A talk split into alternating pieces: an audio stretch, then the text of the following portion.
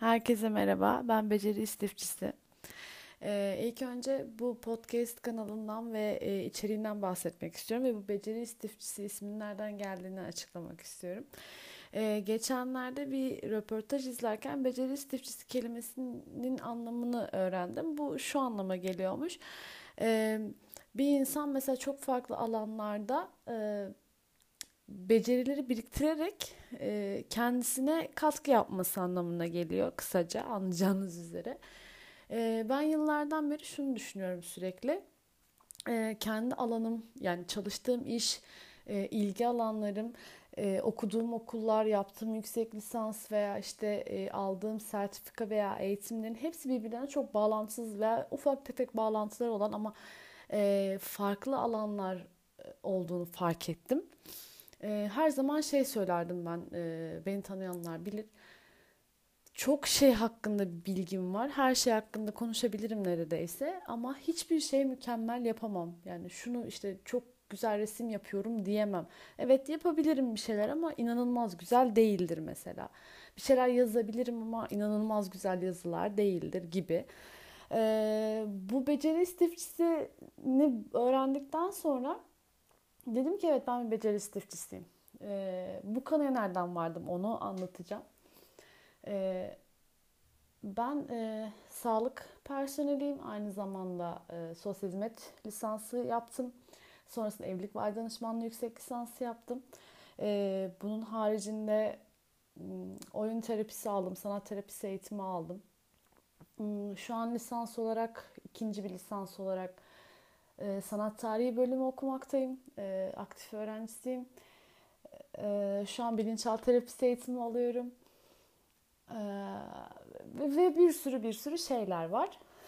Bunları e, birileriyle paylaşmak istedim çünkü çevremde paylaşabileceğim evet birileri var ama sürekli bir bilgi paylaşamazsınız çünkü bir şekilde birilerinden de bilgi almanız gerekiyor. Hmm. Ve benim yapım ben şunu anladım son zamanlarda e, bilgi paylaşmak üzerine varım ben. Yani bilgi paylaşmak benim inanılmaz hoşuma gidiyor. Yani birisi bana işte desin ki şu kitap hakkında ne düşünüyorsun desin. Bu kitabı bana anlatabilir misin desin. Ben kitabı anlatırım, fikirlerini anlatırım, yorumlarım, yorumlarım. Genel kanıyı söylerim. Bildiğim her şeyi söyleyebilirim ve bu beni inanılmaz tatmin ediyor. Ee, bilgiyi paylaşabiliyor olmak.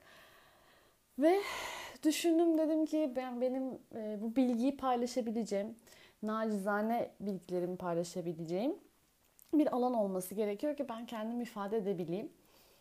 Ve aklıma bir anda podcast çekmek geldi. Ee, o yüzden de çok heyecanlıyım ve çok mutluyum. En azından e, aklıma gelen e, bazı şeyleri paylaşabileceğim bir platformun olması beni mutlu edecek. Hmm, e, Şimdi gelecek olursak bu podcast kanalında ne olacak fikrine. E, aklınıza gelebilecek her şey olabileceğini tahmin ediyorsunuzdur umarım. E, psikolojiden bahsedeceğim zaman zaman. Kadın erkek ilişkilerinden, aile ilişkilerimizden, kendimizle olan ilişkimizden, e, belki biraz yogadan çünkü yeni başladığım ve e, felsefesine bayıldığım bir şey. E, bunu da parantez içinde belirttim. Sufizmle e, inanılmaz bağlantılı ve güzel insanı harmanlayan bir felsefesi var. Anlayacağınız üzere din felsefesi de yapabileceğiz bu alanda. E, filmlerden bahsetmeyi çok seviyorum çünkü e, filmlerde yani bir sinefil değilim ama e, yönetmen yönetmen gidip e, yönetmenlerin bakış açılarını filmlerde yani bir film gördüğüm zaman evet bu, bu bana çok tanıdık geliyor. Bu, bu yönetmen bu yönetmen bana tanıdık geliyor demek çok hoşuma gidiyor ve yönetmeni annemnez edebiliyor olmak çok hoşuma gidiyor. O yüzden filmler hakkında mesela bir film izlediğim zaman o filmi izlemeden önce bir tür araştırma yaparım öncesinde. Ondan sonra izlerim. En azından boş izlemeyeyim diye. izledikten sonra da e, gider internetten yorumlarına bakarak şey yapıyorum. Hani benim anlamadığım bir şey mi oldu? Ben çünkü şu bölümü anlamadım ve burada kesinlikle bir ima var, bir şey var. Belki de hiçbir şey yok. Sadece onu araştırmak çok hoşuma gidiyor. Merak ediyorum beğendiğim filmler hakkında. O yüzden film hakkında, yani film önerisi gibi değil ama en azından beğendiğim bir film ya da bir yönetmenin üzerinden bir şeyler konuşabiliriz ve bu beni inanılmaz mutlu eder. Ee, gelelim kitaplara. Hmm, kitaplar hakkında e, son zamanlarda artık böyle çok edebi kitap okuyamıyorum maalesef. Çünkü betimlemeleri beni çok e, yorabiliyor, uzun sürebiliyor. Akademik çok kitap okuduktan sonra böyle olduğunu düşünmeye başladım. O yüzden de e, evet yine hala okunmaya çalışıyorum. Çünkü beğendiğim yazarlar var ve e, benim kafamı boşaltmama ve inanılmaz deşarj olmama yardım ediyorlar. Onun haricinde kitaplar hakkında çok güzel yorumlar olabileceğini düşünüyorum. En azından e, bu konu tavsiye ya da kitap yorum yapabilmek beni çok mutlu eder. Çünkü ileride bir gün e, hayallerimden bir tanesi de bir adada e, bu belki Heybeliada olur, belki Bolca'da olur bilmiyorum. Ya da herhangi bir ada olur hiç fark etmez. E, bir sahaf dükkanı açabilmek ya da herhangi bir yerde bir sahaf dükkanı açabilmek sahil kasabasında o klasik e, hayallerden bir tanesi. E, o yüzden kitaplar hakkında da bir şeyler konuşmak çok isterim. E, sonrasında sanatla ilgili bir şeyler konuşmak çok isterim. Çünkü sanatın insanı e, iyileştirdiğini ve güzelleştirdiğini düşünüyorum. E, bize e, güzel bakmayı öğretiyor. Yani ben bundan birkaç sene öncesine kadar sanatla alakalı çok bir şey bilmezdim. Hatta derdim ki bu ne saçma bir şey yani. Hani gözüm çünkü alışmıyor ve e, gözü eğitmek çok başka bir şeymiş. Onu anladım. Hmm, o yüzden de e, sanatla alakalı işte bildiğimiz o e, ressamlarla alakalı. Belki şöyle bir şey çok hoşuma gider. Hmm, bildiğimiz bir tablo yani onun atıyorum mesela Botticelli'nin menüsünden bahsederken onun işte e, ne türle yapıldığı, işte anlatmak istediği, çizdiği kadın karakter, işte ya, çevresinde belirttiği o diğer melek figürleri diyelim şu anlık. O figürlerin anlamları, mitolojideki yeri, e, bu tip şeylerden bahsetmeyi çok isterim. E, onun haricinde hmm, dediğim gibi oyun terapisi ve sanat terapisi eğitimleri aldım. E, almaya devam ediyorum. Bunlar hakkında işte çocuklar için e, oyun terapisinde e, bazı oyuncakların bazı anlamları olur. Yerleştirme anlamları olur. Bunları paylaşmayı çok isterim. Şu an aklıma gelebilecek e, bunlar ama hani bazen insan e, şey olabiliyor. Bir şeyler paylaşmak istiyor ve bu şu, karşı taraftan bir tepki almak için değil sadece anlatmak istiyor. Sadece ben bu, bu bilgi bende durmasın ve anlatsın. Bunu da geçenlerde öğrendim yanlış hatırlamıyorsam. Bu da su elementinden kaynaklanan bir şeymiş. Ee, bir şeyleri paylaşmaktan geliyormuş. Yoga felsefesinde diyeyim e, öğrendiğim bir şey. E, o yüzden e, bence benim şu ana kadar e, beceri istifçiliği yaptığım konuların hepsinin birbirine bir, bir şekilde bir bağlantısı vardı. Dinin bağlantısı vardı, felsefenin bağlantısı vardı, psikolojinin bağlantısı vardı. Yani yogada gördüğüm bir e, nasıl söyleyebilirim? Ya mesela iyi düşün ki iyi olsun ya da ağzından iyi şeyler çıksın ki e, iyi şeyler seni bulsun, evrene o mesaj gitsin tabiri vardır ya hani e, bu bilinçaltı terapisinde de yani regresyon terapilerinde veya telkin terapilerinde, hipnoterapilerde de şunu söylüyor. Hmm, bizim bilinçaltımız yani şu anda yaşadığımız bazı problemler büyük ya da küçük bazı problemler geçmişte yaşadığımız hipnotik telkinlerden kaynaklı oluyor. Yani biz bir şekilde atıyorum televizyona bakıyoruz çocukken e, tamamen hipnoz olmuş durumdayız. Çünkü o televizyon odaklıyız tamamen. Oradan bir şekilde e, birisinin bize söylediği bir herhangi bir şey kötü niyetli olmayabilir, art niyetli olmuş şakasına söyleyebilir. Çocuk olabilir söylerken vesaire fark etmez. O anda söylediği bir şeyi biz bilinçaltımız telkin olarak aldığı için e, biz onu yaşamaya başlıyoruz. E, bazı sorunlarımız ondan süre geliyor. E, yani telkin bu kadar önemli bir şeyken bizim kendi kendimize söylediğimiz her şey aslında bizi bir şekilde hipnotik bir alanda telkin olabiliyor ve bir başkasına bir telkin olabiliyor. Bu da şu anlama geliyor aslında. Ee, şaman yani şamanizmde de ya da işte paganlıktan gelen ya da eski kültürden gelen bir şeyde de yani hepsinin ortak noktası şu bir şey 40 defa söylersen olur.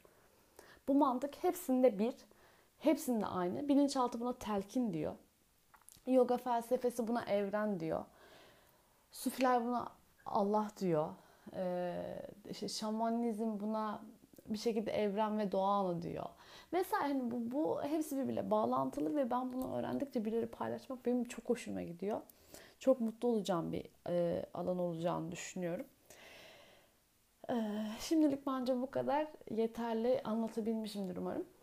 E, bundan sonrakiler dediğim gibi herhangi bir konudan o gün canım ne konuşmak istiyorsa, ne paylaşmak istiyorsa veya dertleşmek istiyorsa bilmiyorum. Bir şekilde bir şeyleri paylaşmaya elimden geldiğince deneyeceğim. Şimdiden herkese çok teşekkür ederim. İyi günler.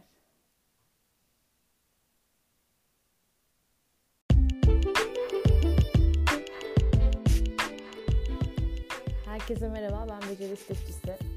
Bugünkü konumuz e, beğendiğim 3 roman karakteri hakkında, hatta en beğendiğim şu ana kadar 3 roman karakteri hakkında e, hem kitabı anlatacağım hem de roman karakterlerinin üzerinden biraz bahsetmek istiyorum ve kitapta beğendiğim birkaç tane repliği ya da yazıyı sizlerle paylaşmak istiyorum. İlk önce Yusuf Atılgan'la başlayalım Aylak Adamı ile beraber.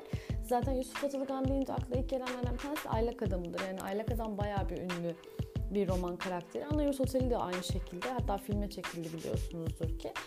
Ee, ama bilmiyorum ikisinin arasında bir seçim yapmam gerekirse belki e, Aylak Adam benim ilk göz ağrım olduğu için e, her zaman benim için çok çok daha değerli olacaktır. Şimdi Aylak Adam'da bir şekilde kendimi bulduğum, o kafa karışıklığı, o gitgelleri daha kendime yakın hissettiğim, o arayışını hissettiğim bir karakter. Ee, Yusuf Atılgan bu kitabı Aylak Adam kitabını yazarken bilinç akışı tekniğiyle yazmış. O yüzden ilk etapta eğer bilinç akışını bilmiyorsanız ve daha öncesinde bilinç akışıyla alakalı bir şeyler okumadıysanız, e, böyle bir kitap okumadıysanız ilk başta bir zorlanıyorsunuz. Ben, ben bunu e, yaklaşık 3-4 sene önce falan okumuş olmam lazım ve ilk etapta birkaç sayfayı anlamadım dedim ki ben anlayamıyorum herhalde kitabı. Bir türlü kitabın içine giremiyorum. Çünkü düşünce e, düşünce akışıyla beraber olağan günlük akış devam ediyor. Bu şekilde e, bir şekilde birbirine giriyor düşünceler ve yaşanan şeyler. E, o yüzden kitabı daha dikkatli okumaya başlayınca bir arkadaşım söyledi. Edebiyat okuyan bir arkadaşım vardı. O söyledi bana bu bilinç akışıyla yazılmış bir kitap diye. Ondan sonra ben de daha çok dikkat etmeye başladıktan sonra kitabın içine daha çok girdim. E, şimdi Aylak Adam'ın e, adı Aylak Adam. Kitapta da e, bir Ahmet Mehmet ismi yok. Aylak Adam diye geçiyor. E, bu karakter biraz baba parası yiyen, yani yalnız yaşayan ama işte geçmişten kalma parasıyla beraber yaşayan bir karakterimiz. Ve onun o e, kendini bulma çabası, belki de bulmak istememe çabası, e, bir şekilde hayatta devam ediyor oluşu, belki hepimiz için amacımız veya amaçsızlığımızı bize anlatıyordu bilmiyorum ama beni bir şekilde kendine çeken bir karakter.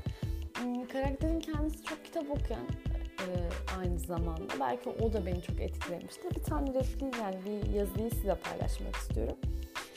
E, oradan sadece böyle bir cümlelik, iki cümlelik bir şey paylaşacağım. Diyor ki, hırsız girse bile kitapları çalmazdı. Ötekiler umurunda da değildi. Bu e, bu iki cümle beni yani bu satır beni inanılmaz etkiledi. Yani düşünsenize sonradan ben böyle bir düşündüm. Aa evet ya dedim. Gerçekten öyle hani düşünsenize bir evinizde evinizi düşünün. Herkes bir evini düşünsün. Ee, şey düşünüyordum hani hırsız girse ne çalar? Önemli olan işte şudur budur. Ee, pahalı olabilecek şeyler ve hafif olabilecek şeyleri seçerler. Benim mesela kendimi düşündüğüm zaman evet kitaplarım hepsinden daha değerlidir çoğu zaman. Ee, ve kitapları çalmak kimsenin aklına gelmiyor ya da bilmiyorum kitaplar neden bu kadar değersiz görülüyor belki de. Veya mesela şey derler hani kitap çalındığı zaman ben bunu bir yerde duymuştum. Tam hatırlamıyorum nerede duyduğumu. Kitap eğer birisi kitabını çalıyorsa zaten bırak çalsın. Çaldığı şey kitap olsun belki okur. O beni çok etkilemişti. O yüzden mesela ben kitaplarımı artık e, atıyorum mesela bir yere kahve almaya gideceğim ve kitabım masanın üstüne kalacak. Normal tedirgin olurum. Bir şeyin alınmasından falan çok rahatsız olurum. Onun e, o kitabı orada bırakıyorum ki e, eğer işte, çalınmaz ya hani. Çalınırsa da mutlu olurum sanırım. Çünkü bir nebze de olsa. E, çünkü birisi bunu okumak için çaldı. bir şekilde faydası olacak. Belki sat, satacak koş çok para etmez ama belki bir, bir şeyler çevirecek ve bir şeyler anlayacak. Bunun bu, bu cümleyi öğrendikten sonra bunu düşünmüştüm, kurgulamıştım. Velhasıl kelam e, Aylak Adam böyle bir kitap. E, sonu çok güzel bir kitap. E, bir tane daha size bir şey paylaşmak istiyorum. E, bu da beni çok derinden etkileyen, belki çoğu yerde duyduğunuz bir şeydir. E, Aylak Adam'dan bahsederken sonunda bahsettiğim sadece bir şey. Sustu. Konuşmak gereksizdi.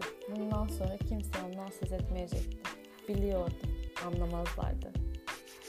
Bilmiyorum size de oluyor mu ama bazen hmm, insan evet anlatmak yani benim bu sayfayı açmamın amacı anlatmak istemekti ama bazen insan anlatmak istemiyor. Anlatamıyor çünkü karşı tarafı ne derse desin, ne yaparsa yapsın sizin o içinizdeki o duygu, o düşünce, o o çaresizlik, o vazgeçmişlik, anlatamayış, onu bir şekilde aktaramıyorsunuz ve bazı insan susmayı tercih ediyor sadece yani. Sizi çok sinirlendiren bir şey de olsa veya sizi çok üzen bir şey de olsa diyorsunuz ki artık susayım da bitsin. Hani nasıl olsa anlamayacak kimse. Ee, aylak adamı beni bu şekilde, Yusuf'tan beni bu şekilde bant elime dokunmuştu. Çok çok severek okudum. Dediğim gibi ilk etapta biraz zorlandım evet. Hmm.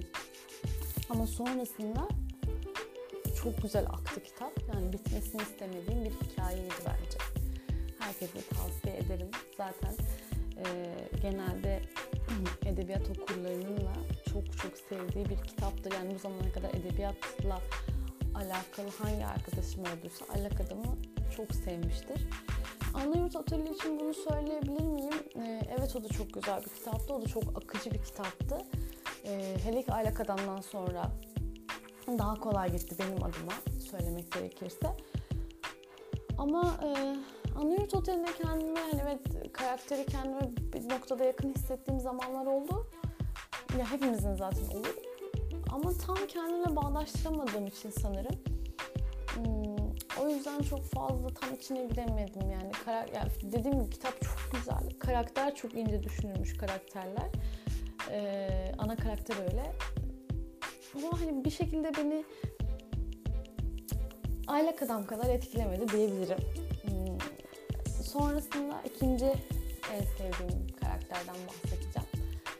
Ee, bu karakter de beni hmm, vazgeçiş çok yani spoiler vermek istemiyorum ama o hem sahiplenici hali hem de vazgeçiş hali beni çok etkileyen o çaresizlik durumu ve e, birisini çok sevince ya da birisine çok değer verince ona kendisinden daha iyi gelebilecek birisi ya da birilerine hmm, bırakabilecek kadar e, üstün karakter mi diyeyim ne sahip olmuş olması e, içimizdeki şeytan Sebahattin Ali'nin kitabı. E, oradaki Ömer karakteri ana karakterlerimizden bir tanesi. Hatta ana karakterimiz e, şu an yanımda olmadığı için oradan birkaç bir şey okuyamayacağım maalesef. E, sadece tamamen aklımdan hatırladığım şeyleri aktarabilirim. Bunu da yıllar önce okumuştum yine. E, Ömer karakteri e, çok büyük bir kalbe sahip bir karakter esasına baktığınız zaman. E, kendi kendinin farkına varabilecek ama varmayı tercih etmiyormuş gibi bir his bırakmıştı bende. Sonrasında e, bir kadını bir kadına sahip çıkıyor, bir kadına aşık oluyor ve ona sahip çıkıyor. O sahip çıkmış hali çok ince çünkü kendisinin kendisine daha sahip çıkamıyorken bir kadına sahip çıkabiliyor olması çok çok ince bir şey. Ya şimdi spoiler vermek istemem ama hani beni zaten kitabın sonu çok etkilemişti. Ya ben genelde çok sonları hatırlamam açıkçası. Hani ne filmlerde ne de kitaplarda hiçbir şeyin sonunu hatırlamam. Hani oluşunu hatırlarım, başlangıcı hatırlamam ama sonu bende yoktur. Ama bu kitabın o kafamda öyle bir film karakteri gibi o kadar çok canlanmış ki o Ömer'in o hali, o burukluğu, o durumu o kadar canlanmış ki hani o Ömer'in hayata karşı bazı noktalarda evet ben bunu istiyorum. E, bu benim olmalı ama bu benim olması için ben bunu hak etmiyorum ya da karşı taraf bunu hak etmiyor diyebiliyor olması, o yüceliği gösterebiliyor olması, o içindeki şeytanı bir şekilde e, ket vurabiliyor olması beni çok etkile, etkilemişti. Ömer karakterini o yüzden hiçbir zaman unutamıyorum. O yani e, içimizdeki şeytan denildiği zaman, Ömer karakteri denildiği zaman aklıma direktmen o Ömer'in bir e, duvar kenarında e, dışarıya bakarken böyle o son sahnesi geliyor sürekli aklıma. Umarım okursunuz çünkü e, Sabahattin Ali'yi okumak e, dili inanılmaz güzel. Bunu hani bir, bir şekilde söylemiyorum. Sadece Sabahattin Ali'nin o o sizi çeken bir havası var ve hani ne yazarsa yazsın okumak istiyorsunuz. Ben kız kardeşime doğum günü hediyesi olarak e, Sebahattin'in tüm kitaplarını almıştım. O zaman e, o okurken ben de onunla beraber okumuştum. İşte Kuyucaklı Yusuf'undan içimizdeki şeytanına kadar işte hatta mahkemede yazdığı, eşinin ona yazdığı e, mektuplar e, yanlış hatırlamıyorsam Ruhun Filiz diyordu. Öyle bir e, cümlesi vardı bir şeyde mektupta bahsederken. O beni çok etkilemişti. Çok naif. Hmm, ya zaten e, görünüşünden, resimlerinden gördüğümüz kadar naif bir insana benziyor. Tabii tanımıyoruz ama e, bence yazışında da bir naiflik var. Çünkü o yarattığı karakterler de e, bazı kötü karakter olabilir belki. İç, yani içimizdeki o şeytanı hepimiz biliyoruz. Bir şekilde şeytanımızı zapt etmeye çalışıyoruz hepimiz hayatımız boyunca. E, ama o naifliği bir şekilde kötü karakter diyebileceğimiz veya kötülük yapmış bir karakterde bile o naifliği görebiliyoruz bence. Bir şekilde hayat onlara bir şey yapmış ki ama o naifliklerini yine de kaybetmemiş gözüküyorlar. Bence benim fikrim bu. Ee, bu şekilde içimizdeki şeytanlar ve Sebahattin Ali okumadıysanız lütfen lütfen Sebahattin Ali okuyun inanılmaz güzel yazıyor ve inanılmaz akıcı yazıyor. E, sadeleştirilmiş metinlerini okuyabilirsiniz. E, zaten İş Bankası yayınları yanılmıyorsam e, yayınlıyordu ama şu an tam da emin olamadığım için net bir şey söyleyemeyeceğim ya da can yayınları hatırlamıyorum. E, gayet güzel kitapları var. Bence hmm, hemen akıcı ve okuyabileceğiniz kitaplardır. E, okumanızı tavsiye ederim. Bir Kürt mantolu Madonna insanlara göre belki olmayabilir ama e, onun kadar sükse yapmamış olabilir Kuyucaklı Yusuf'la içimizdeki şeytan ama e, inanın çok çok güzel kitaplardır. Ama benim favorim içimizdeki şeytan. E, şimdi geldik üçüncü çok çok sevdiğim bir karaktere. Bu e, Sevgi Soysal'ın bir kitabı.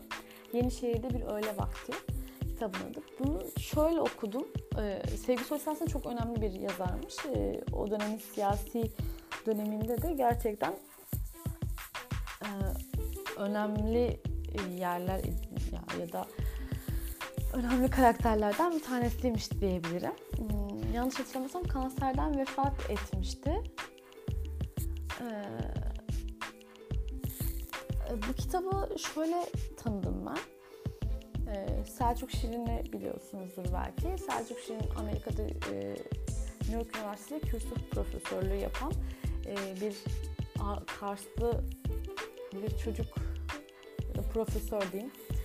E, bir profesörümüz e, Amerika'da çalışıp e, orada üretiyor olmasına rağmen hala Türkiye'de e, bizleri, biz gençleri, girişimcileri ondan sonra eğitimcileri bir şekilde eğitmeye çalışan bir öğretmen bence. E, aynı zamanda Kars'tan dolayı bir e, bir sevgim var kendisine karşı. Kars'ta 4 sene yaşadıktan sonra Kars'tan Kars kelimesi geçen her yerle bir sempati duymaya başlıyorsunuz. E, o yüzden Selçuk Şener'e böyle bir sempati duyuyorum. E, o geçen senelerde bundan 2 sene önce ve falan olması lazım. 2-3 rahat olmuştur. 3-4 seneye bulmuştur muhtemelen. E, bir dönem işte e, Instagram'dan Selçuk Hoca'ya sürekli işte bizi ne okumamızı tavsiye edersiniz falan diye sürekli sorular soruluyor. O da o dönem e, kitaplar yayınlıyor. İşte bir hem gelişim kitabı, kendini geliştirme kitabı hem de beş tane de e, edebiyatla alakalı kitaplardı. Aklım bayağı kitaplar vardı ve e, inanılmaz güzel yazarla, yazarlarla tanışmama sebep olmuştu.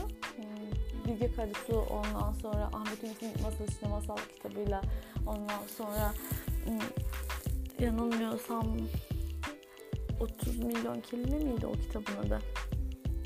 Sanırım öyle bir kitap vardı vesaire bir sürü kitapla tanışmamı sağladı. E, bu kitapları okuduktan sonra işte okuyanlar e, bir çekiliş yapılacaktı ve Selçuk Şirin'le beraber bir yemek yiyecektiler, bir kahve içecekti hatırlamıyorum.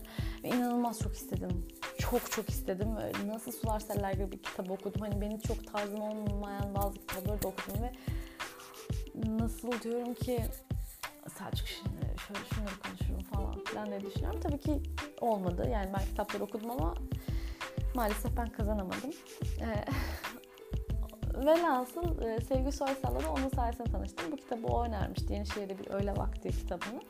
Şimdi bu kitaptan kısaca bahsetmek gerekirse e, kitap e, bölüm bölüm ayrılıyor. Yani bir hikaye üzerinden gidiyor. Aslında bir olan bir olay var ama şöyle e, nasıl anlatabilirim? Her bölümde mesela her bölüm işte atıyorum ki 6 sayfa 10 sayfalık bölüm bir karakterin başından geçiyor. İşte Olcay karakterinin başından geçiyor. Ondan sonra dönüyor babasına e, falan. Hani e, bölüm bölüm giderken hepsinin kendi karakterinden bahsediyor. E, böyle bir kitap. Burada da e, beni çok etkileyen Ali karakteridir. E, Ali karakterinden şimdi bahsedeceğim. Hmm, Ali karakteri de bir delikanlımız. E, kendini hmm, yani o dönemin şimdi Sevgi Sosyal biraz siyasi da, siyasetten de bahsetmek zorunda kalıyor. Çünkü kendisi dönem dönemine göre çünkü biliyorsunuz ki Türkiye'de çok her dönemde siyasi bir olay olduğu için her zaman da bir şekilde yansıyor. Ali biraz siyasi bir karakterimiz. Onda da şu replik benim çok Ali'ye karşı sempati duymamı sağlamıştı. Birbirlerini sevmekten bahsediyorlar. Ee, Olcay karakteriyle beraber. Ali şöyle diyor. İşte ben bu alışkanlıklardan biri olmak istemem. Senin düzenli olan bağlarından biri. Sabah gidiş fırçan ya da kolunun altına sürdüğün deodorant ya da yumurtalı şampuan olmak istemem. Bunların günlük mutluluğunda, rahatlığında belki sadece ufak bir payları var. İşte ben bugün gelip mutluluğun daha büyük bir payı olmak istemem. Yani daha rahat olman, korkmaman için örneğin destek olmam sana. Düzenle bütün bağlarını koparabildiğin zaman ki bu cesaret ister. Bu cesareti gösteri, gösterebildikten sonra zaten karanlıktan korkmayan biri olursun. O zaman yine beni seversen bu sevgi kabulündür. Tamam mı? Wow. Yani düşünsenize e, karanlıktan korkmadığın zaman sevgin kabulümdür. Sen artık korkusuzsun ve sen o zaman hala beni seviyorsan sevgin kabulümdür. Yani şu anki düzende, şu anki sistemde bakıldığı zaman işte birbirimizi sindirmeye çalışan ilişkiler içerisindeyiz. Hepimiz bir şekilde öyle ya da böyle ne kadar farkında olun ya da olmayın birbirimize psikolojik şiddetler uyguluyoruz. En basit iş arkadaşlarımıza, çocuklarımıza bile uyguluyoruz. Kaldı ki eşlerimize veya ilişkili yaşadığımız partnerlerimize uygulamayacağız. Ve korkuyla bir şekilde bastırmaya çalışıyoruz onların gitme dürtüsünü. Yani bak sen şunu yaparsan ben giderim, sen bunu yaparsan ben giderim. Sen gidemezsin çünkü bana bağımlısın. Sen gidemezsin çünkü şöylesin. Sen gidemezsin çünkü böylesin. Ben gidemem çünkü böyle. Hep birbirimizi bir şekilde sindirmeye çalışmışız. Hep sindiriyoruz. Hala da sindirmeye çalışıyoruz. Bir şekilde kendi isteğimizi ortaya koyup kendi isteklerimizin doğrultusunda gitmeye çalışıyoruz sanırım. Karşı tarafı sindirmeye çalışıyoruz ve düşünsenize hani şu an bakıldığı zaman çoğu ilişki alışkanlıklardan ibaret. Ee, alışıyorsunuz, evliliklere alışıyorsunuz. Hmm, bir şekilde o düzene alışıyorsunuz ve bu Ali karakteri diyor ki alışkanlığın yapma beni. Ben senin alışkanlığın olmak istemiyorum. Korkusuz olmanı istiyorum ve korkusuz olduğun zaman gel beni hala seviyorsan o sevgiyi ben istiyorum. Düşünüyorum bazen bu bunu okuduktan sonra aklıma şey geliyor. Sanki bir zincirlerini kırmış ve e, bir yerde zorla zincirle beraber tutuyor ve zincirlerini kırabiliyor, kırıyor. Ve sonrasında diyor ki ben hala burada yaşamaya devam edeceğim senin için. Ya belki doğru bir örnek mi bilmiyorum ama beni bu Ali karakteri e, sevgisi boyutunda çok bu söylediği boyutunda çok etkilemişti. Ki kitap boyunca çok fazla sevgisini belli edebilen bir karakter de değil. Demek ki bu sevgiyi yani kendi tanımladığı sevgiyle karşı tarafların verdiği sevgi ve karşı tarafın verdiği sevgi eşit olmadığı için ya da beklediği sevgi olmadığı için Ali karakteri bu kadar fikrini ya da sevgisini hmm, belli edemiyor demek ki diye düşünüyorum. Yani e, mest oldum şu anda Ali karakterini tekrardan. Toparlamak gerekirse e, bunları. E, bu, bu arada bu kitapta yanlış hatırlamıyorsam bir tane daha Çingene karakteri vardı ve Çingenelik üzerinden e, yani romanlık üzerinden ırkçılık yapmak istiyorum kesinlikle.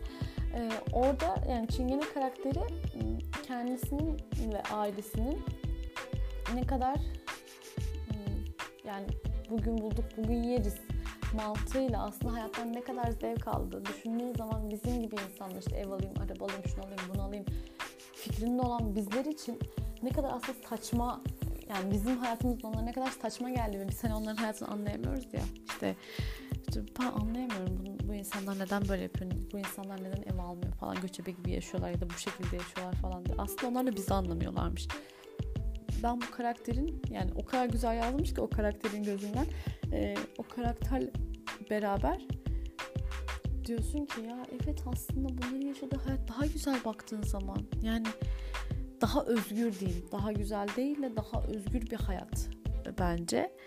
E, o karakter de beni çok etkilemişti ama şu ana kadar 3 favori karakterim e, üçü de hmm, Türk yazarlardan olması beni ayrıca mutlu ediyor. Çünkü herhalde kendimizi çok yakın hissettiğimiz kültür olarak ve anlayış olarak herhalde karakterlerden dolayı. Hmm, yani sıralamam yani bence üç de eşit benim için. Çünkü aylak adam beni bir şekilde kendimle barıştıran, kendi hakkımı düşünmeye iten veya ilişkiler anlamında düşünmeye iten ve anlatmak, anlatamamak anlamında düşündüren bir kitaptı. Karakterde o aylaklığı, o vazgeçişi beni çok etkilemişti. Ee, sonra hayata tutunup tutunamayışı. Ee, sonrasında içimizdeki şeytanın Ömer karakteri, o vazgeçişi, o, bir şekilde içimizdeki, o içindeki şeytanı zapt edişi beni çok mutlu etmişti. Sevgi Soysal'ın bu Ali karakteri hmm, sevgiyi e, belirtmesi ve nasıl bir sevgi istediğini göstermesi, anlatması beni çok etkiledi. Bu kadar. Herkese iyi akşamlar diliyorum. Umarım umarım çok beğenirsiniz. İyi akşamlar.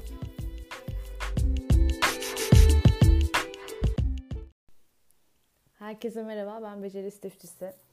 Bugünkü konumuz e, beğendiğim 3 roman karakteri hakkında hatta en beğendiğim şu ana kadar 3 roman karakteri hakkında ee, hem kitabı anlatacağım hem de roman karakterlerinin üzerinden biraz bahsetmek istiyorum ve kitapta beğendiğim birkaç tane repliği ya da yazıyı sizlerle paylaşmak istiyorum. İlk önce Yusuf Atılgan'la başlayacağım Aylak Adamı ile beraber. Zaten Yusuf Atılgan deyince akla ilk gelenlerden bir tanesi Aylak Adamı'dır. Yani Aylak Adam bayağı bir ünlü bir roman karakteri. Anayurt Oteli de aynı şekilde. Hatta filme çekildi biliyorsunuzdur ki. Ee, ama bilmiyorum ikisinin arasında bir seçim yapmam gerekirse belki e, Aylak Adam benim ilk göz ağrım olduğu için e, her zaman benim için çok çok daha değerli olacaktır. Şimdi Aylak Adam'da bir şekilde kendimi bulduğum, o kafa karışıklığı, o gitgelleri daha kendime yakın hissettiğim, o arayışını hissettiğim bir karakter. Ee, Yusuf Atılgan bu kitabı, Aylak Adam kitabını yazarken bilinç akışı tekniğiyle yazmış.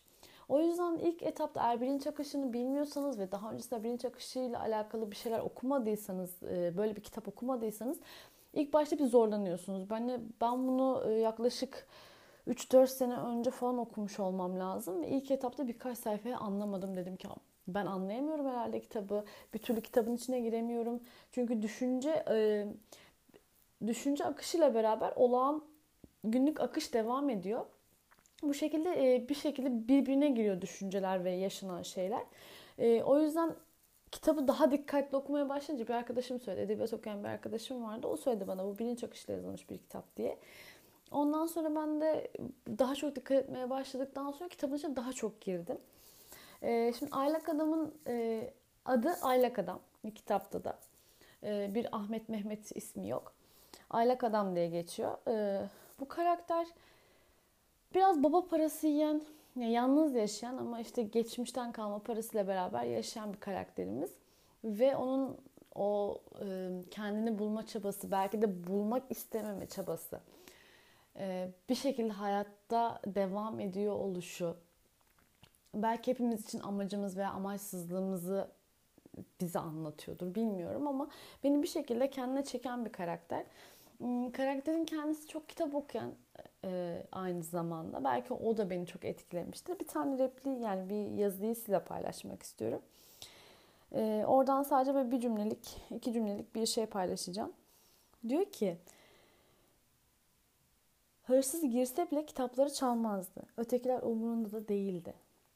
Bu e, bu iki cümle beni yani bu, bu satır beni inanılmaz etkiledi. Yani düşünsenize sonradan ben böyle bir düşündüm. Aa evet ya dedim. Gerçekten öyle hani düşünsenize bir evinizde evinizi düşünün. Herkes bir evini düşünsün. Ee, şey düşünürdüm hani hırsız girse ne çalar? Önemli olan işte şudur budur. Ee, pahalı olabilecek şeyler ve hafif olabilecek şeyleri seçerler. Benim mesela kendimi düşündüğüm zaman evet kitaplarım hepsinden daha değerlidir çoğu zaman. Ee, ve kitapları çalmak kimsenin aklına gelmiyor ya da bilmiyorum kitaplar neden bu kadar değersiz görülüyor belki de. Veya mesela şey derler hani kitap çalındığı zaman e, ben bunu bir yerde duymuştum. Tam hatırlamıyorum nerede duyduğumu. Kitap eğer birisi kitabını çalıyorsa zaten bırak çalsın. Çaldığı şey kitap olsun. Belki okur. O beni çok etkilemişti. O yüzden mesela ben kitaplarımı artık e, atıyorum mesela bir yere kahve almaya gideceğim ve kitabın masanın üstüne kalacak. Normal tedirgin olurum. Bir şeyin alınmasından falan çok rahatsız olurum. Onun e, o kitabı orada bırakıyorum ki e, eğer işte, çalınmaz ya hani. Çalınırsa da mutlu olurum sanırım. Çünkü bir nebze de olsa. E, çünkü birisi bunu okumak için çaldı. Bir şekilde faydası olacak. Belki sat, satacak koş çok para etmez ama belki bir, bir şeyler çevirecek ve bir şeyler anlayacak. Bunun bu, bu cümleyi öğrendikten sonra bunu düşünmüştüm, kurgulamıştım. Ve last kelam e, Aylak Adam böyle bir kitap. E, sonu çok güzel bir kitap.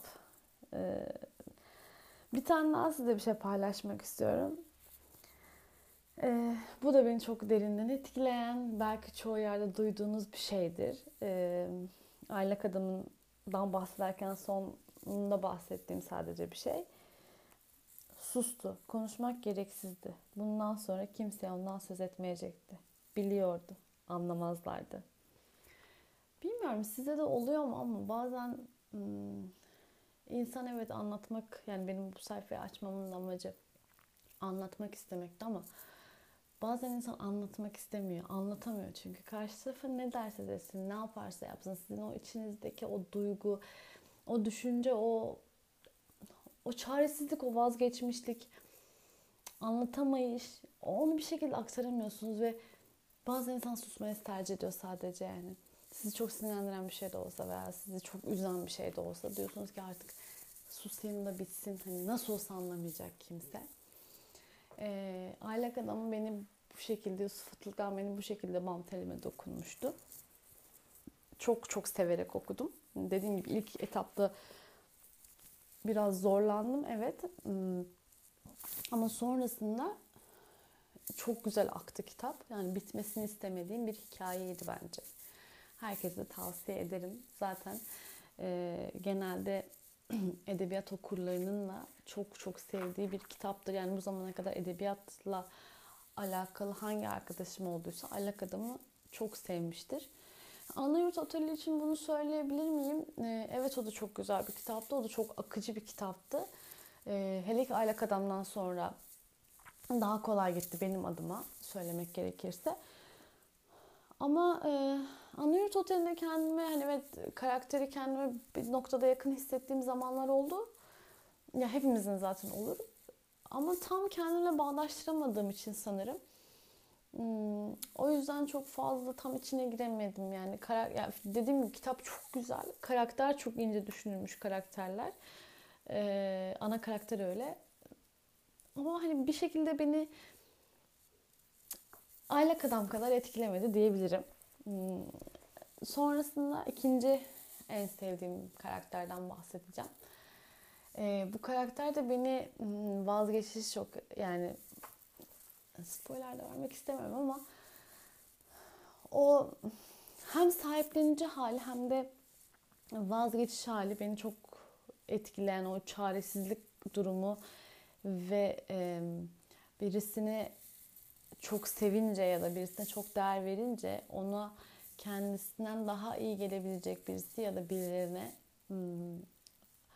bırakabilecek kadar üstün karakter mi diyeyim ne sahip olmuş olması içimizdeki şeytan Sebahattin Ali'nin kitabı. Oradaki Ömer karakteri ana karakterlerimizden bir tanesi. Hatta ana karakterimiz e, şu an yanımda olmadığı için oradan birkaç bir şey okuyamayacağım maalesef e, sadece tamamen aklımdan hatırladığım şeyleri aktarabilirim bunu da yıllar önce okumuştum yine e, Ömer karakteri ee, çok büyük bir kalbe sahip bir karakter esasında baktığın zaman. Ee, kendi kendinin farkına varabilecek ama varmayı tercih etmiyormuş gibi bir his bırakmıştı bende. Sonrasında e, bir kadını bir kadına sahip çıkıyor, bir kadına aşık oluyor ve ona sahip çıkıyor. E, o sahip çıkmış hali çok ince çünkü kendisinin kendisine daha sahip çıkamıyorken bir kadına sahip çıkabiliyor olması çok çok ince bir şey. Ya şimdi spoiler vermek istemem ama hani beni zaten kitabın sonu çok etkilemişti. Ya ben genelde çok sonları hatırlamam açıkçası. Hani ne filmlerde ne de kitaplarda hiçbir şeyin sonunu hatırlamam. Hani oluşunu hatırlarım, başlangıcını hatırlamam ama sonu bende yoktur. Ama bu kitabın o kafamda öyle bir film karakteri gibi o kadar çok canlanmış ki o Ömer'in o hali, o burukluğu, o durumu o kadar canlanmış ki hani o Ömer'in hayata karşı bazı noktalarda evet ben bunu istiyorum. E, bu benim olmalı ama bu benim olması için ben bunu hak etmiyorum ya da karşı taraf bunu hak etmiyor diyebiliyor olması, o yüceliği gösterebiliyor olması, o içindeki şeytana bir şekilde e, ket vurabiliyor olması beni çok etkile etkilemişti. Ömer karakterini o yüzden hiçbir zaman unutamıyorum. O yani e, içimizdeki şeytan denildiği zaman, Ömer karakteri denildiği zaman aklıma direktmen o Ömer'in e, bir e, duvar kenarında e, dışarıya bakarken böyle o son sahnesi geliyor sürekli aklıma. Umarım okursunuz çünkü e, Sebahattin Ali'yi okumak e, dili inanılmaz güzel bunu hani bir, bir şekilde söylemiyorum. Sadece Sebahattin'in hmm, o o sizi çeken bir havası var ve hani ne yazarsa yazsın okumak istiyorsunuz.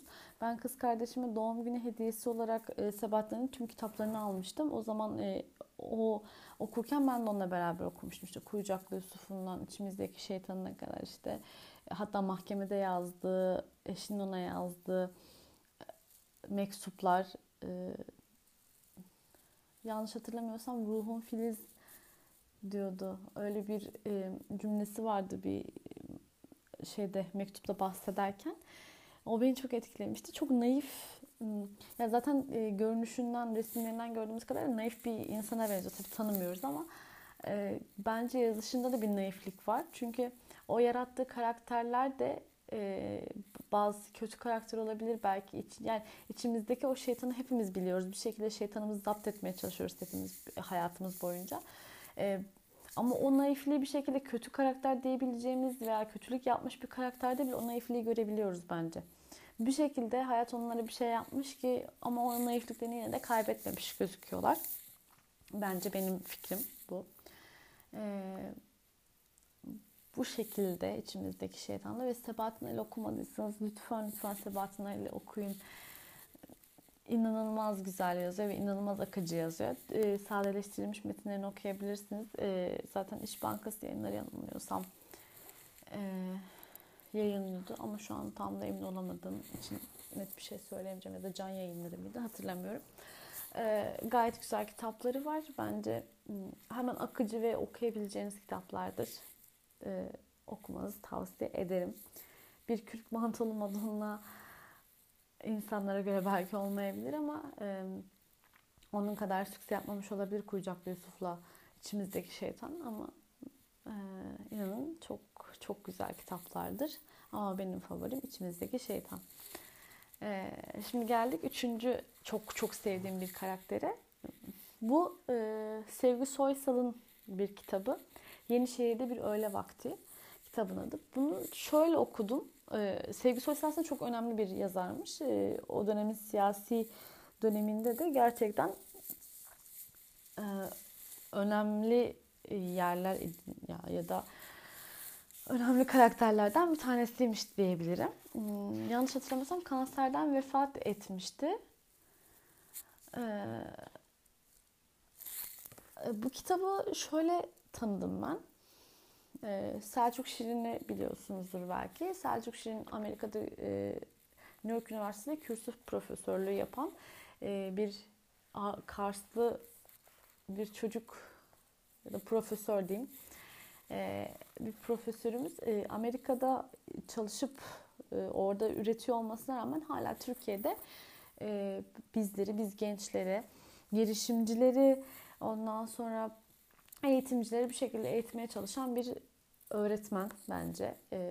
Aynı zamanda Kars'tan dolayı bir bir sevgim var kendisine karşı. Kars'ta 4 sene yaşadıktan sonra Kars'tan Kars kelimesi geçen her yerle bir sempati duymaya başlıyorsunuz. E, o yüzden Selçuk Şener'e böyle bir sempati duyuyorum. E, o geçen senelerde bundan 2 sene önce ve falan olması lazım. 2-3 rahat olmuştur. 3-4 seneyi bulmuştur muhtemelen.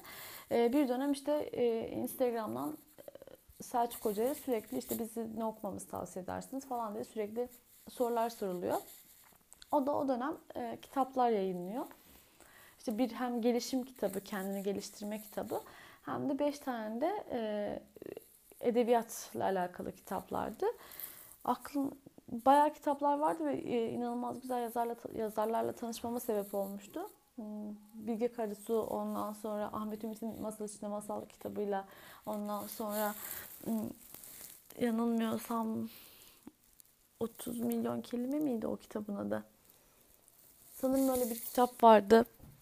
Vesaire bir sürü kitapla tanışmamı sağladı. E, bu kitapları okuduktan sonra işte okuyanlar e, bir çekiliş yapılacaktı ve Selçuk Şirin'le beraber bir yemek yiyecekti ve bir kahve içecekti hatırlamıyorum. Ve inanılmaz çok istedim. Çok çok istedim. Nasıl Sular Seller gibi bir kitap okudum. Hani benim çok tarzım olmayan bazı kitapları da okudum ve nasıl diyorum ki Selçuk şimdi şöyle şunları konuşurum falan filan diye düşünüyorum. Tabii ki olmadı. Yani ben kitapları okudum ama maalesef ben kazanamadım. Ee, velhasıl e, Sevgi Soysal'la da onun sayesinde tanıştım. Bu kitabı o önermişti. Yenişehir'de bir öyle vakti kitabını. Şimdi bu kitaptan kısaca bahsetmek gerekirse e, kitap e, bölüm bölüm ayrılıyor. Yani bir hikaye üzerinden gidiyor. Aslında bir olan bir olay var ama şöyle e, nasıl anlatabilirim? Her bölümde mesela her bölüm işte atıyorum ki 6 sayfa 10 sayfalık bölüm bir karakterin başından geçiyor. İşte Olcay karakterinin başından geçiyor. Ondan sonra dönüyor babasına e, falan. Hani e, bölüm bölüm giderken hepsinin kendi karakterinden bahsediyor. E, böyle bir kitap. Burada da beni çok etkileyen Ali karakteridir. Ali karakterinden şimdi bahsedeceğim. Hmm, Ali karakteri de bir delikanlımız. Kendini hmm, yani o dönemin şimdi Sevgi Soysal biraz siyasi siyasetten de bahsetmek zorunda kalıyor. Çünkü kendisi dönem dönemine göre e, çünkü biliyorsunuz ki Türkiye'de çok her dönemde siyasi bir olay olduğu için her zaman da bir şekilde yansıyor. E, Ali biraz siyasi bir karakterimiz. Onda da şu replik benim çok Ali'ye karşı sempati duymamı sağlamıştı. Birbirlerini sevmekten bahsediyorlar. Ee, Olcay karakteriyle beraber. Ali şöyle diyor. İşte ben bu alışkanlıklardan biri olmak istemem. Senin düzenli olan bağlarından biri. Sabah gidiş fırçan ya da kolunun altına sürdüğün deodorant ya da yumurtalı şampuan olmak istemem. Bunların günlük mutluluğunda, rahatlığında belki sadece ufak bir payları var. İşte ben bu gündelik mutluluğun daha büyük bir payı olmak istemem. Yani daha rahat olman, korkmaman için örneğin destek olmam sana. Düzenle bütün bağlarını koparabildiğin zaman ki bu cesaret ister. Bu cesareti göstere, gösterebildikten sonra zaten karanlıktan korkmayan biri olursun. O zaman yine beni seversen bu sevgi kabulümdür. Tamam mı? Wow. Yani düşünsenize e, karanlıktan korkmadığın zaman sevgin kabulümdür. Sen artık korkusuzsun ve sen o zaman hala beni seviyorsan sevgin kabulümdür. Yani şu anki düzende, şu anki sistemde bakıldığı zaman işte birbirimizi sindirmeye çalışan ilişkiler içerisindeyiz. Hepimiz bir şekilde öyle ya da böyle ne kadar farkında olun ya da olmayın birbirimize psikolojik şiddetler uyguluyoruz. En basitten iş arkadaşlarımıza, çocuklarımıza bile uyguluyoruz. Kaldı ki eşlerimize veya ilişkili yaşadığımız partnerlerimize uygulamayacağız. Ee, ve korkuyla bir şekilde bastırmaya çalışıyoruz onların gitme dürtüsünü. Yani bak sen şunu yaparsan ben giderim, sen bunu yaparsan ben giderim. Sen gidemezsin çünkü bana bağımlısın. Sen gidemezsin çünkü şöylesin. Sen gidemezsin çünkü böylesin. Ben gidemem çünkü böyle. Hep birbirimizi bir şekilde sindirmeye çalışmışız. Hep sindiriyoruz. Hala da sindirmeye çalışıyoruz. Bir şekilde kendi isteğimizi ortaya koyup kendi isteklerimizin doğrultusunda gitmeye çalışıyoruz sanırım. Karşı tarafı sindirmeye çalışıyoruz ve düşünsenize hani şu an bakıldığı zaman çoğu ilişki alışkanlıklardan ibaret.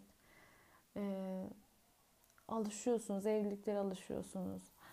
Hmm, bir şekilde o düzene alışıyorsunuz ve bu Ali karakteri diyor ki alışkanlığın yapma beni. Ben senin alışkanlığın olmak istemiyorum. Korkusuz olmanı istiyorum ve korkusuz olduğun zaman gel beni hala seviyorsan o sevgiyi ben istiyorum. Düşünüyorum bazen bu bunu okuduktan sonra aklıma şey geliyor. Sanki birisi zincirlerini kırmış ve e, bir yerde zorla zincirle beraber tutuluyor ve zincirlerini kırabiliyor, kırıyor. Ve sonrasında diyor ki ben hala burada yaşamaya devam edeceğim senin için. Ya belki doğru bir örnek mi bilmiyorum ama beni bu Ali karakteri e, sevgisi boyutunda çok bu söylediği boyutunda çok etkilemişti ki kitap boyunca çok fazla sevgisini belli edebilen bir karakter de değil. Demek ki bu sevgiyi yani kendi tanımladığı sevgiyle karşı tarafların verdiği sevgi ve karşı tarafın verdiği sevgi eşit olmadığı için ya da beklediği sevgi olmadığı için Ali karakteri bu kadar fikrini ya da sevgisini hmm, belli edemiyor demek ki diye düşünüyorum. Yani e, mest oldum şu anda Ali karakterine tekrardan. Toparlamak gerekirse e, bunları ee, bu, bu arada bu kitapta yanlış hatırlamıyorsam bir tane daha Çingene karakteri vardı ve Çingenelik üzerinden e, yani romanlık üzerinden ırkçılık yapmak istemem kesinlikle.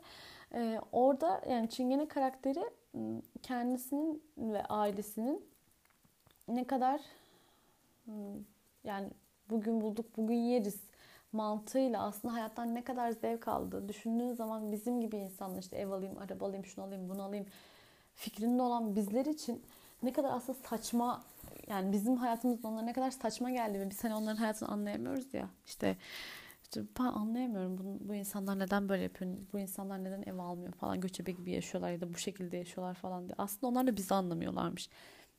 Ben bu karakterin yani o kadar güzel yazmış ki o karakterin gözünden e, o karakter beraber diyorsun ki ya evet aslında bunları yaşadığı hayat daha güzel baktığın zaman yani daha özgür diyeyim. Daha güzel değil de daha özgür bir hayat e, bence. E, o karakter de beni çok etkilemişti. Ama şu ana kadar 3 favori karakterim. E, üçü de hmm, Türk yazarlardan olması beni ayrıyetten mutlu ediyor. Çünkü herhalde kendimizi çok yakın hissettiğimiz kültür olarak ve anlayış olarak herhalde karakterlerden dolayı. Hmm, yani sıralamam aslında yani bence üç de eşit benim için. Çünkü aylak adam beni bir şekilde kendimle barıştıran, kendi hakkımda düşünmeye iten veya ilişkiler anlamında düşünmeye iten ve anlatmak, anlatamamak anlamında düşündüren bir kitaptı. Karakterde o aylaklığı, o vazgeçişi beni çok etkilemişti. Ee, sonra hayata tutunup tutunamayışı. Ee, sonrasında içimizdeki şeytanın Ömer karakteri o vazgeçişi, o bir şekilde içimizdeki o içindeki şeytanı zapt edişi beni çok mutlu etmişti. Sevgi Soysal'ın da bu Ali karakteri hmm, sevgiyi e, belirtmesi ve nasıl bir sevgi istediğini göstermesi, anlatması beni çok etkiledi.